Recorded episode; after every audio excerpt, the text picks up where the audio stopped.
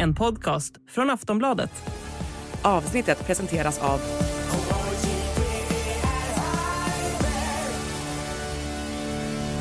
Stödlinjen.se, åldersgräns 18 år.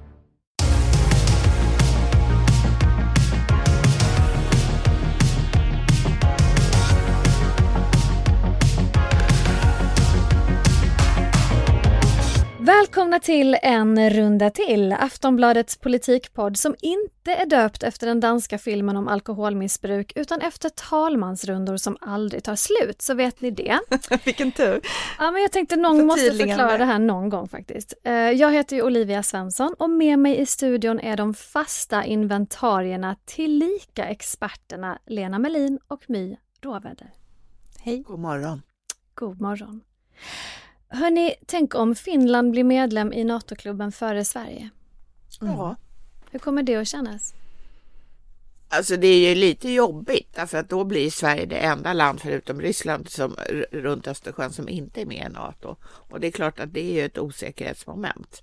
Men eh, samtidigt är det ju så att vi har fått en massa eh, garantier för att eh, olika EU-länder ska ställa upp, eller förlåt, NATO-länder ska ställa upp även, även eh, om vi inte är medlemmar. I, så att det kanske inte är så farligt. Prestigeförlusten dock svidande.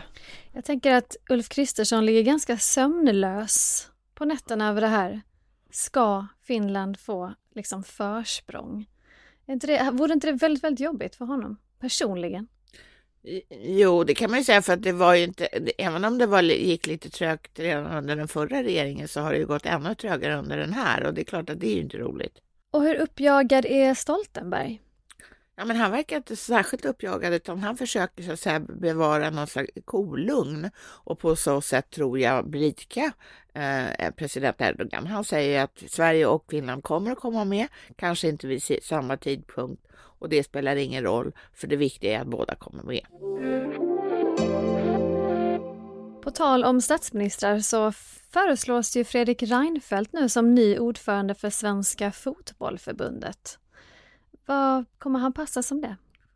Alltså jag tror åtminstone att han tycker det är så roligt. Ingen människa har ju sett Fredrik Reinfeldt så glad som när det blev 4-4 i en landskamp mellan Sverige och Tyskland.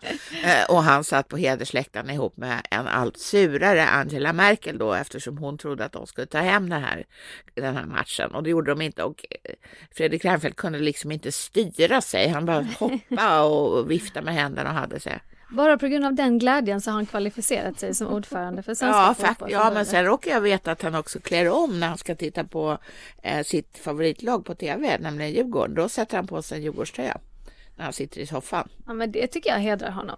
Alltså förutom tycker, att han jag tycker det verkar helt sjukt, men, men eh, det tyder på ett väldigt stort intresse. Absolut, om det bara hade varit MFF. Sen ska ju Ann Linde bli rådgivare åt Apple och här höjde jag lite grann på ögonbrynet faktiskt. Men vi vet ju inte så mycket om vad exakt det betyder än. Det ska bli väldigt intressant. Det står ju ut lite med tanke på att hon har varit utrikesminister och att de brukar söka sig till sådana här högprofilerade eh, arbeten inom liksom samma, samma ämne. Men en sak som Apple har problem med är ju precis som andra techföretag, det är ju det här att, att EU tycker att de eh, tar för mycket pengar från sina användare. Exakt, hon ska bli Apples skatteplanerare. Det passar en socialdemokrat riktigt bra. Idag ska vi prata om Sverigedemokraterna och här kommer en snabb repris. SD blev näst största parti i riksdagsvalet. De fick stort inflytande i och med Tidöavtalet som tecknades tillsammans med regeringspartierna och som reglerar viktig politik för de kommande åren. De leder också flera viktiga utskott. Slut på snabbrepris. Mm. Mm, korrekt. Lena, du skrev så här efter valet. Nu är det SD som håller i taktpinnen. Och My, du skrev att SD har fått igenom i princip allt de ville få igenom. Och då vill jag veta, hur skulle er sammanfattande rubrik om SD låta nu, mer än fyra månader efter valet? Alltså jag skulle ju säga att starten var ganska träg. De hade ju då som mål att, att besätta talmansposten. Och det eh, förlorade de ju helt enkelt. De fick ett, eh, en vice talmanspost. Så, och de var ju väldigt uppjagade över det här, att det, att det gick åt skogen så att säga med, med en sån grej. Sen så kom de ju inte med i regeringen heller, vilket i och för sig de inte drev med samma emfas som det här med talman. Så jag skulle säga att starten var lite, lite trög. Men annars så är det ju som, som jag skrev då, de håller ju taktpinnen när de vill på de här områdena som omfattas av Tidöavtalet. Vad har du, My? Jag tycker väl att eh, en rubrik skulle vara att smekmånaden är över. Och det handlar mer om ansvarsutkrävning. Att det börjar dyka upp fler och fler punkter där man försöker ansvarsutkräva dem i, på grund av den politiken som förs nu, där de försöker glida undan lite. Så det har blivit lite mer av en katt och råttalek nu, när vi har kommit en liten bit in i mandatperioden. Katt och råttalek tycker jag är en väldigt effektiv rubrik. Den har någonting. Om vi ska vara konkreta då, vad har inte gått Sverigedemokraternas väg? Det finns ju en del vallöften som inte har infriats. Eh, bränslepriserna är väl den som är det mest allvarliga ur liksom, politisk synvinkel. Eh, och det har ju varit svårt för dem att ta den här svekdebatten, för de lovade mest i valrörelsen, de lovade att man skulle sänka eh, dieselpriserna med 10 kronor vid pump, detta klassiska uttryck nu vid det här laget. Eh, och de facto blev det 41 öre. Det är ju väldigt stor skillnad. Och där fick de ju också ta kritik från, liksom inifrån partiet och det är de ju inte så vana vid, att det kommer intern kritik om att man har drivit frågor som sen inte infrias och att det blir en svekdebatt på det. Den har ju tystnat lite men jag tror inte att den liksom är helt borta så länge man inte har lyckats eh, nå liksom ett bättre resultat i den frågan. Så att där tror jag att eh, det är väl, skulle jag säga, det största problemet. Och sen så får vi väl se, ja och sen får vi väl se med tiden eh, om eh, det finns andra saker som kommer att bli större problem. Skulle det vara så att det finns frågor inom migrationen som inte genomförs, som hamnar i utredningar, som inte går att genomföra, då tror jag att det blir ett fundamentalt problem för Sverigedemokraterna, än mm. bara en fråga som bränslepris. Lena, vad säger du? Var, var ligger Sverigedemokraternas frustration rent politiskt? Ja, alltså den största frustrationen är att deras opinionssiffror sjunker. De ligger ju under valresultatet och har gjort det sedan valet. Det där finns ingenting som sprider så dålig stämning i ett parti som sjunkande eh, opinionssiffror och det har ju också märkts. Bland annat har ju eh, Jimmie Åkesson på senare tid försökt upphäva sin röst i, i områ på områden där det är så att säga som inte, som inte omfattas av Tidöavtalet. Han har ju sagt till exempel att han tycker att regeringen har varit mesig, eller han har skrivit på Facebook att regeringen varit mesig mot Erdogan i själva NATO-frågan och um, hävdat att uh, Sverige måste stå upp för yttrandefriheten. Det är ju det är det skojigaste man har hört på länge, att Jimmie Åkesson har blivit en härförare för svensk yttrandefrihet. Men det hade också då med NATO att göra och, och de här koranbränningarna. Mm, nu tog du upp stödet för SD och då ska vi ju då berätta att de har alltså i fem mätningar i rad legat under sitt valresultat. Mm. Just nu då i senaste mätningen från Demoskop så säger 18,6 procent att de skulle rösta på SD om det vore val idag. Och det ska ju då jämföras med 20,5 procent i valet. Det innebär ju att SD har tappat omkring 130 000 väljare sedan dess. Mm. Uh, vi tog upp bensinpriset här, men, men vad kan vi hitta mer för, för liksom anledningar till att folk som valde att rösta på dem på valdagen nu inte längre vill? Nej, men jag tror att det hela eh, deras attityd, jag menar förut så pangade de på regeringen och sa att de, eh, de, allt dumt i världen, det sitter i Rosenbad. Vi har alla lösningar eh, som är bättre än vad de där töntarna har hittat på. Eh, nu eh, sitter de i princip själva där. De har ett så att säga, kontor i, på, i regeringskansliets hjärta i, i, Rosenbad och eh, kan inte panga på på samma sätt. Alltså så sjunker opinionssiffrorna och det är inte kul. Så du pratar om alltså det här med att de faktiskt nu befinner sig inne i etablissemanget. Istället för att stå utanför så befinner de sig i värmen. Eh, tror du också My att det är en bidragande orsak till ett sviktande stöd? Ja, jag tror också att de nu med facit i hand tycker att det är bra. Alltså det är klart att man vill sitta i en regering, men jag tror att de tycker att det är bra att man inte gör det. För att det finns ju ändå som Lena säger utrymmen då att vara anti-etablissemang. Och vad man verkligen försöker ju hitta någon fråga där det smäller högt att vara utanför etablissemanget. Och det visar ju det här med att de försöker lyfta upp klimatfrågan som en nu, ny liksom, krigsfråga. Det är ju för att de har hittat någonting där man kan profilera, de kan profilera sig som antietablissemang, det här med kampen mellan eliten och folket och att SD då står för den rationella sidan.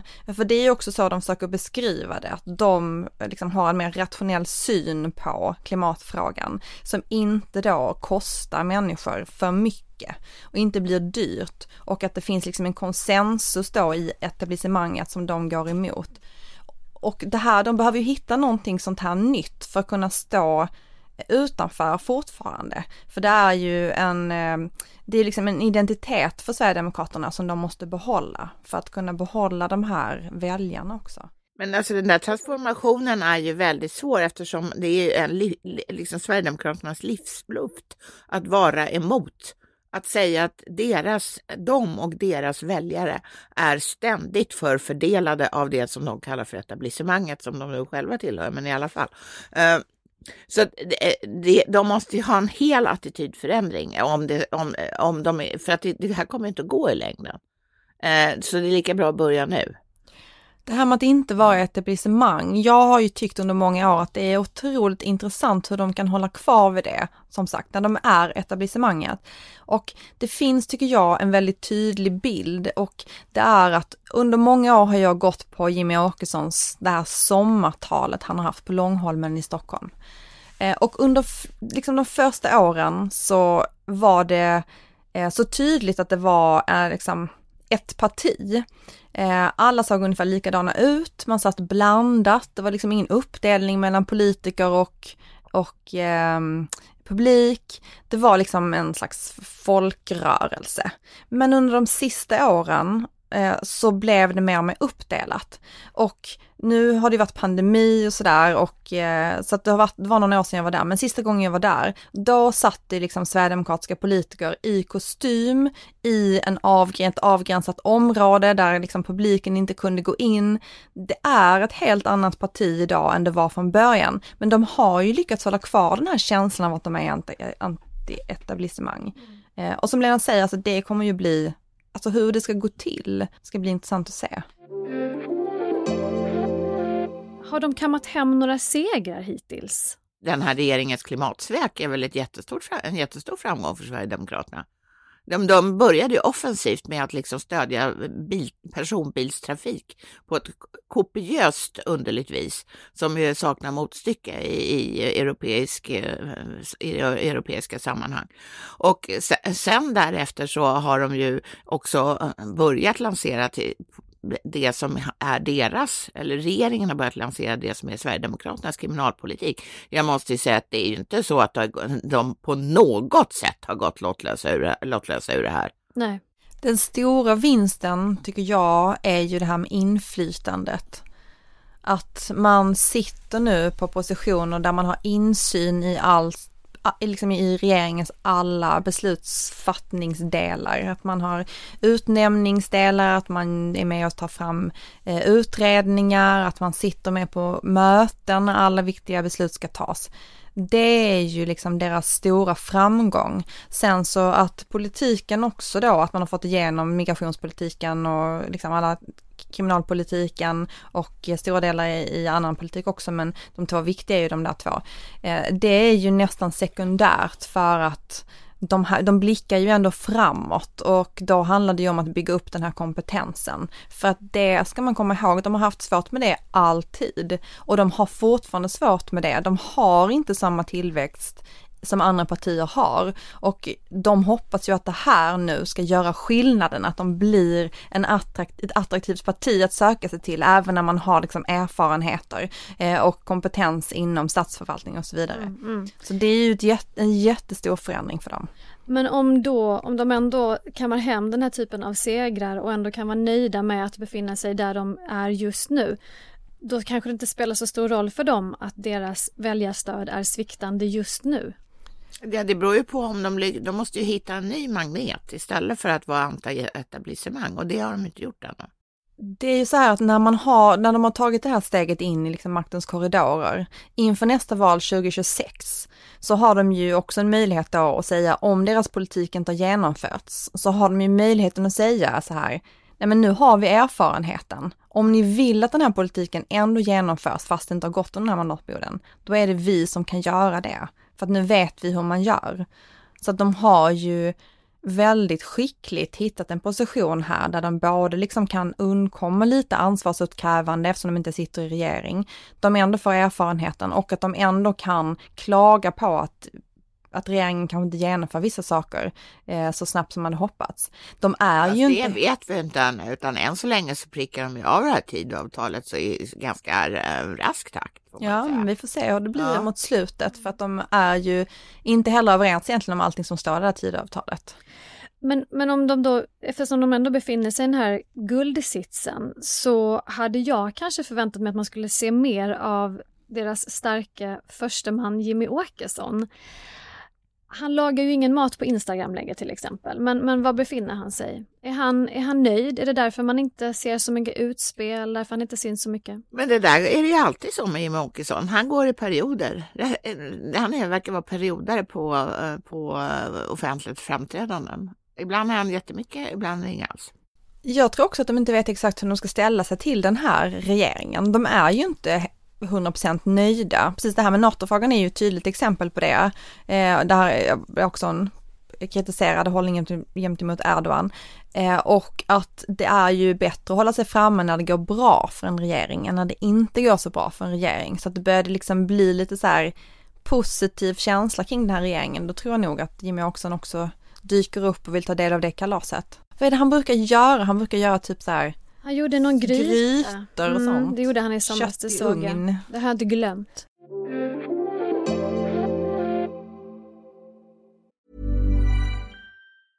Hey, I'm Ryan Reynolds. At Mint Mobile, we like to do the opposite of what Big Wireless does. They charge you a lot, we charge you a little. So naturally, when they announced they'd be raising their prices due to inflation, we decided to deflate our prices due to not hating you.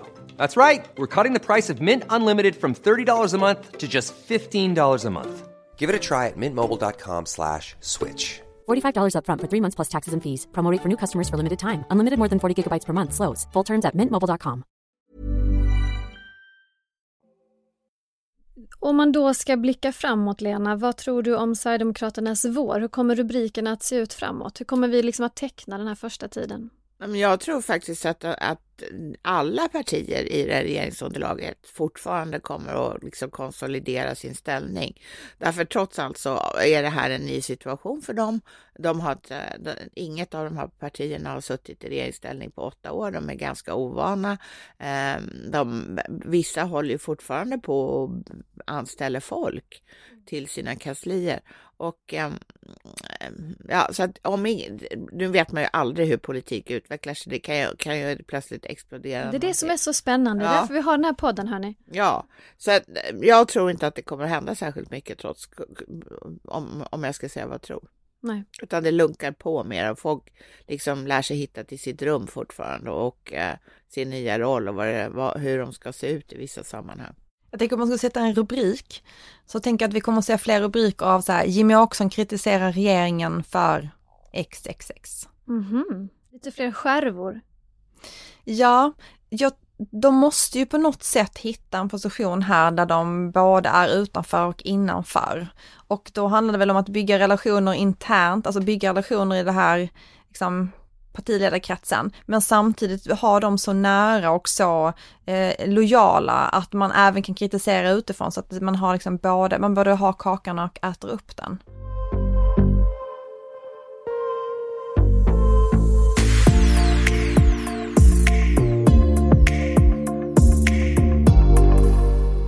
Jag läste en dum grej på Twitter nyligen.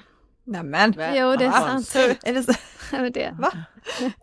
har aldrig hänt förut, men jag läste en tweet av förre integrationsminister Anders Ygeman. Han skrev Det är nog bara Vasaskeppet som startat sämre än den nya regeringen.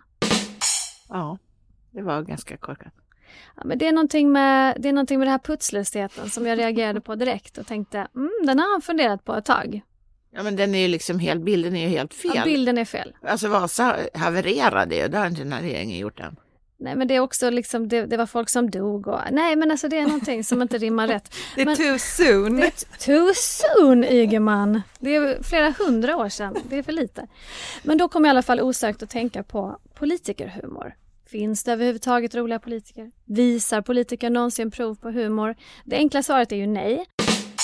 Men jag tycker att vi ska undersöka saken lite grann i alla fall. Tycker ni att det är viktigt att politiker har humor? Om vi börjar där. Det är inte viktigt att de är roliga i sina tal, men det är viktigt att de har humor eftersom det är en bra mänsklig egenskap. Bra svar. Det är viktigt att de vet när de ska använda den och inte använda den. Och det kommer vi kanske att få exempel på här, vi får se. Jag kommer dra några kända politikers försök, ops, försök att använda humor i sin kommunikation. Och så får ni avgöra, kul eller okul? Vi uppfinner det här ordet nu idag. Det är liksom, Ska vi svara kul eller okul? Ni får svara kul eller okul. Det är liksom skalan, det finns inga gråzoner i det här Nej, avsnittet. Mm. Nej, sånt håller vi inte på med. Let's go! Vi börjar med Liberalernas Johan Persson. Han har ju rykte om sig att vara en rolig kille. Han har själv spritt det ryktet. Johan, det får man inte göra. Eh, vi lyssnar. Det handlar både om att vara lokalpatrioten för Marmarö, Maramö. Maramö. Eh, Eller som jag gör för Orebro. Jag var tvungen att skriva utrikes ska gå det, det Orebro. Okul. Men alltså, Du skrattar ju mig. Men det finns ju ändå någonting att det här var ändå ett spontant skämt. Mm. Plus i kanten för spontant skämt. Minus i kanten för jag har knåpat länge på ett skämt om Vasaskeppet. Ja, precis, precis. Det här är ändå lite mer spontant. Det kom ger ändå. Men det var inte ett dugg roligt. Nej, var det nej, kul eller nej, okul? det var jag Det var fortfarande okul. roligt. Mm. Nej, det var sant. Vi kör vidare med Kristdemokraternas Ebba Busch.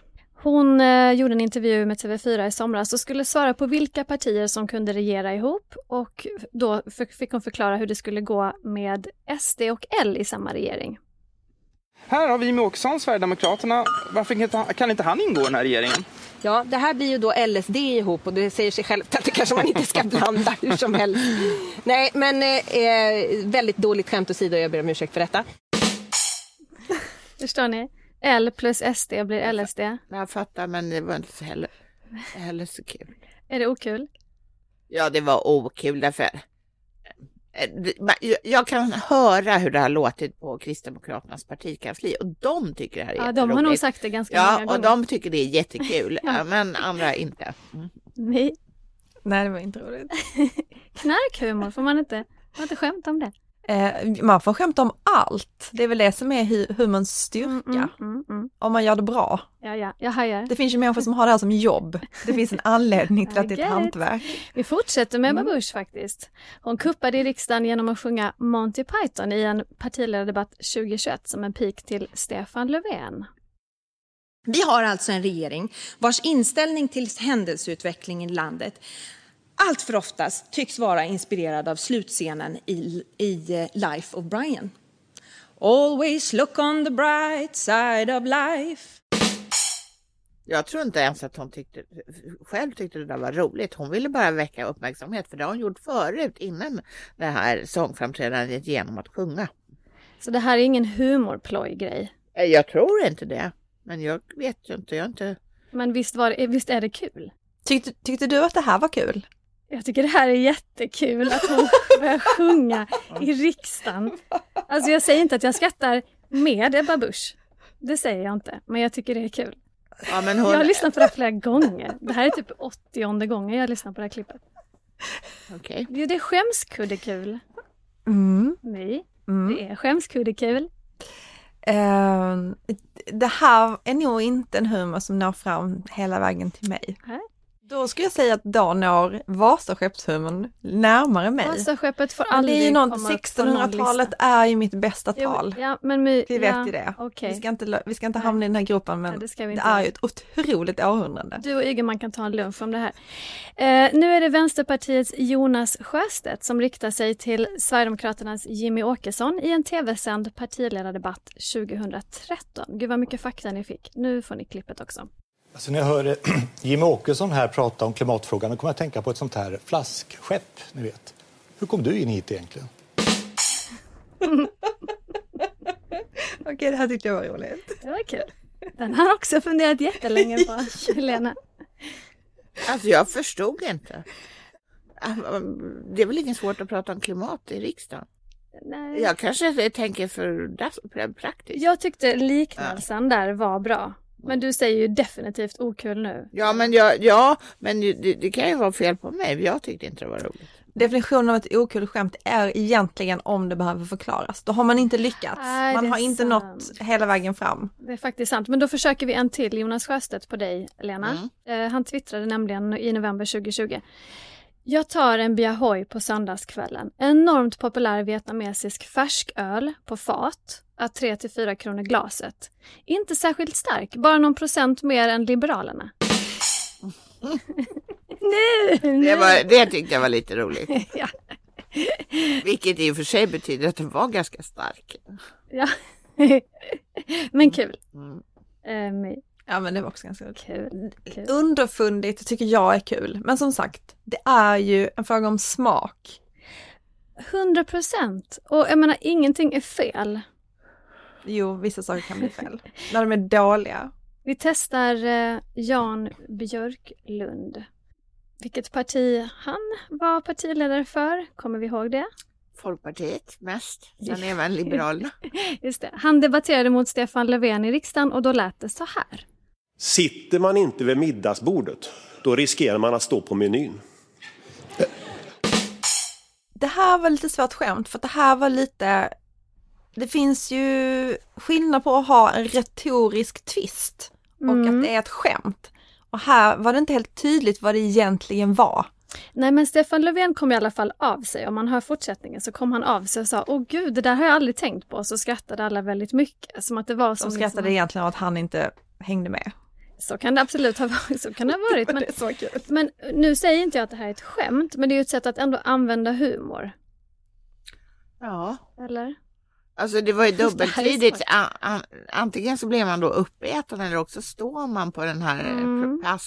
pappersmenyn som har legat på bordet vid en fin bankett. Ja, men är det kul sagt? Nej. Alltså det var ju, det var ju försök att vara rolig. Det Det, var det. får man ju ändå säga. Ja, vi, vi, ger honom, eh, vi ger honom guldstjärna. Ja. Nej, det var för tråkigt. Okej, ingen guldstjärna. Eh, Magdalena Andersson kommer vi till nu. Det här Men är... hon är väl ändå inte en stor humorist? Du, du, vänta på Oh, exempel. ja, ja, jag ska inte gå i förväg Det här. här är alltså installationstalet på sossarnas partikongress 2021. Jag hade en arg kvinna i luren häromkvällen. Varför klagar alla ba- bara på hemtjänsten hela tiden? Varför säger ingen något om allt som fungerar bra? Som hos mig. De kommer alla dagar på året och de är jätterara allihop. Igår frågade en om man skulle bädda sängen. Det ingår ju inte ens vad jag har hjälp med. Varför pratar ingen politiker om det? Jag svarade, men mamma, Det här är också ett retoriskt knep egentligen. Men men det var ett knep som men drog att ner människor- enormt mycket applåder. Precis, men att människor skrattar säger väl kanske ganska mycket om hur låg förväntan man har på att det ska vara riktigt rolig humor i politiken. Säger det någonting också om att det bara var sossar i lokalen? Nej, det tror jag inte, för jag skrattade också. Ja, det gjorde jag också. För, och jag tyckte att ändå att det där var ett retoriskt knep som framkallade skratt. skratt och det är ju eh, det är inte så illa. Jag minns när jag såg det här live att jag blev Alltså jag blev väldigt positivt överraskad över att hon hade liksom, hon eller hennes talskrivare hade tänkt att göra den där twisten att det är en Mm. barsk dam som sen visar sig vara hennes mamma. Jag Mm. tyckte det var riktigt, Ja, det var bra. gulligt. Det var Det starkt. är gulligt. Det finns ju någonting med de här skämten också som när det finns en liten brist. Och det är att de oftast efteråt berättar att det var ett skämt. Som Ebba Busch sa så här, skämt och Ja. Ja. Att man behöver förklara att det man sa skulle vara någonting Men här gjorde hon inte det, hon bara gick vidare ju. Nej, hon gjorde inte det. Mm. Men det, det, upp, det är ju ofta i tal. Jimmy Åkesson har ju ofta det som en retorisk grej i sina tal, att han säger något skämt och sen så säger han ofta också så här, skämt och sido. Mm. Nej, det är dåligt. Men det som gjorde det här så oväntat var ju att hon, att jag tror att alla tänker när hon, när Magdalena Andersson säger en barsk dam i luren, Mm. att det är liksom en ilsken medborgare och så Precis. var det inte det utan det var hennes mamma. Som också var en ilsken medborgare. Ja, precis. Men, eh, och vi vet ju också hur det är att ha ilsken medborgare i luren så att jag tror att många kände igen så här att gud om man har en jobbig människa i luren. Och även ilsken mamma kan jag känna igen mig i faktiskt. uh, inte så ofta dock. Men vi går vidare med en annan socialdemokrat, Håkan Juholt. När han presenterades som Socialdemokraternas nya partiordförande så fick han följande fråga. Varför har du mustasch?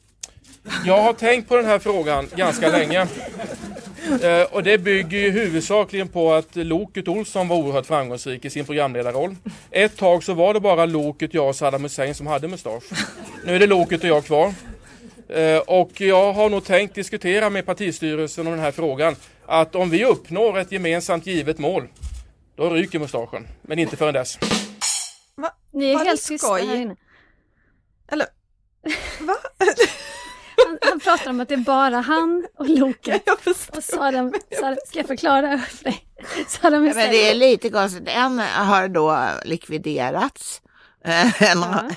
en, en är visserligen med oss fortfarande och den tredje ska uppnå stordåd. Ja, jag vet inte. Det, det är någonting med att han blandar in just Loket och Saddam Hussein och sig själv i samma trio. Ja, ja, som jag minns det där var det ganska uppskattat när det yttrades. Ja, mm. visst.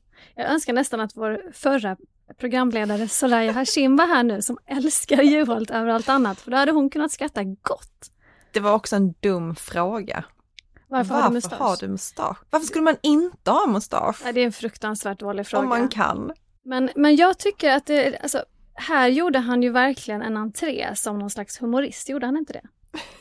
Det här låter ju som att han fått den här frågan förr och han har svarat ungefär på det här oh, sättet. Nej, han har förberett sig. Ah, okay. Ja, eller förberett sig. Han har fått frågan förut och då mm.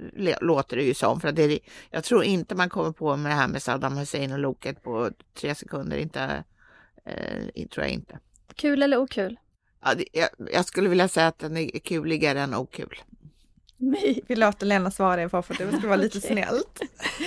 Men nu fick vi höra några exempel här på politiker, lite spridda eh, personer. Vilken är den roligaste politiker ni mött? Om ni överhuvudtaget har mött någon som ni skulle kategorisera som rolig? Alltså jag tyckte Carl Bildt var rolig, men mm. han, han kör ju med understatements. Ja, det, är ju hans, eh, det är hans eh, rolighetsgrej. Uh, men det kan ju bli väldigt skojigt ibland, speciellt om man driver med sig själv. Om det här var en bildpodd så kunde vi ju visa att, om det här var liksom bild istället för podd, så kunde vi visa att när Carl Bildt sjönk på den här stolen när du var med i ett ja. intervjuprogram i Aftonbladet, när hans stol plötsligt... Det var en valvaka faktiskt tror jag. Ja, till och med en valvaka. Ja. Det var väldigt roligt, han hanterade också på ett väldigt kul sätt. Men tyvärr fick jag inget klipp med honom. Det är ju väldigt roligt när han sjunger Fyra bugg om Coca-Cola, men, men den, den är så sliten. Mm. Vad skulle du svara? Ja, den är väldigt Ja, den, han, där var han ju faktiskt väldigt arg efteråt. Han ansåg inte att han hade fått full information information av sina medarbetare vad de hade gått med på. Men vi är så tacksamma i efterhand. Vem, vem eh, säger du mig?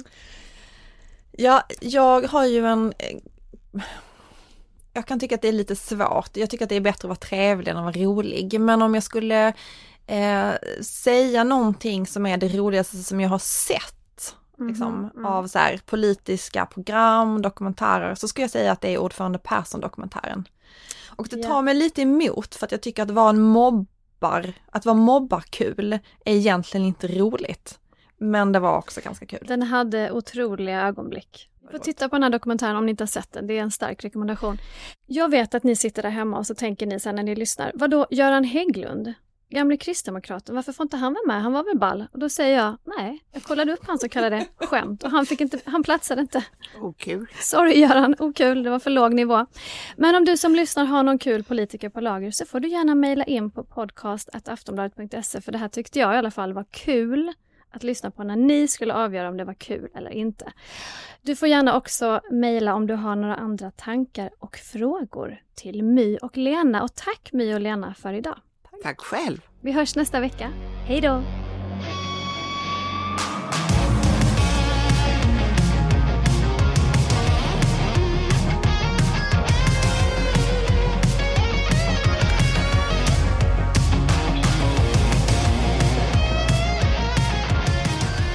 Du har lyssnat på en podcast från Aftonbladet.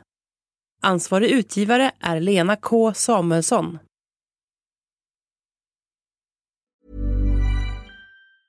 Say hello to a new era of mental health care.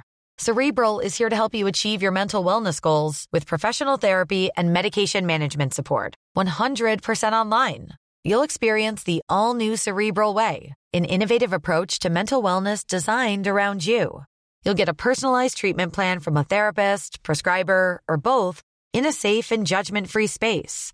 Your cerebral therapist or prescriber will outline a customized plan with clear milestones along the way so you can get to feeling your best. With Cerebral, you're not alone in your mental health journey. We're here to empower you to live a fulfilling life. So take that first step towards a brighter future and sign up today at cerebral.com slash podcast and use code ACAST to get 15% off your first month. Offer only valid on monthly plans. Other exclusions may apply. Offer ends July 31st, 2024. See site for details.